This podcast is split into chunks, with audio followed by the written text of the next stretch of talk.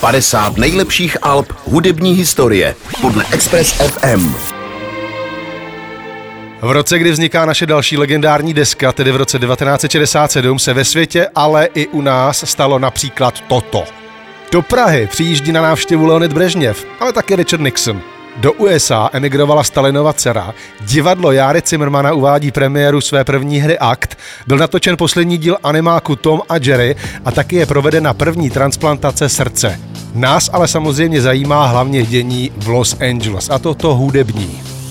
Pokud byste jako kapela zatoužili nahrát perfektní rokový debit, asi byste nešli cestou po spojování pavorských žestů, bachových menuetů, jazzových riffů Johna Coltrane'a, keltské mytologie a řecké tragédie. Navíc vše hojně prošpikované psychadelí.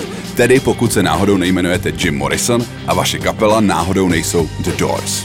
A na báze nahrávání prvotiny téhle kapely začíná průšvihem, což je vlastně leitmotivem pro celou kariéru čtveřice z Los Angeles. Po pár minutách hraní totiž dostanou padáka z dnes už legendárního místa Whiskey and Go Go a více méně se rovnou stěhují do studia. Tam se po více jak týdnu nahrávání zrodila deska, která je za necelý rok katapultovala do úplně jiného světa. Slovy klávesáka Manzareka, první deska jsou vlastně Doors naživo, jenom bez pódia ve Whiskey and Go Go. Eponymní debut The Doors z roku 67 během krátké chvíle učiní kapelu nesmrtelnou, a to díky skladbám Break On Through, The End a nebo dnes legendární Light My Fire. Navzdory nesčetným kapelám Los Angeles a deskám v té době vydaných se debit The Doors dostává do popředí všech. Díky opravdu nekonvenční postavě jejich lídra a sice ještěrčího krále Jima Morrisona. Ten na sebe strhává pozornost nejen svou otevřenou sexualitou, ale hlavně básnickými texty v kombinaci s mladistvými až přihlouplými, které by z jiných než Morrisonových úst zněly trapně. Dalším bonusem téhle a vlastně každé další desky The Doors je Jimův charismaticky hřímající hlas, vlévající do posluchačů odhodlání a sílu.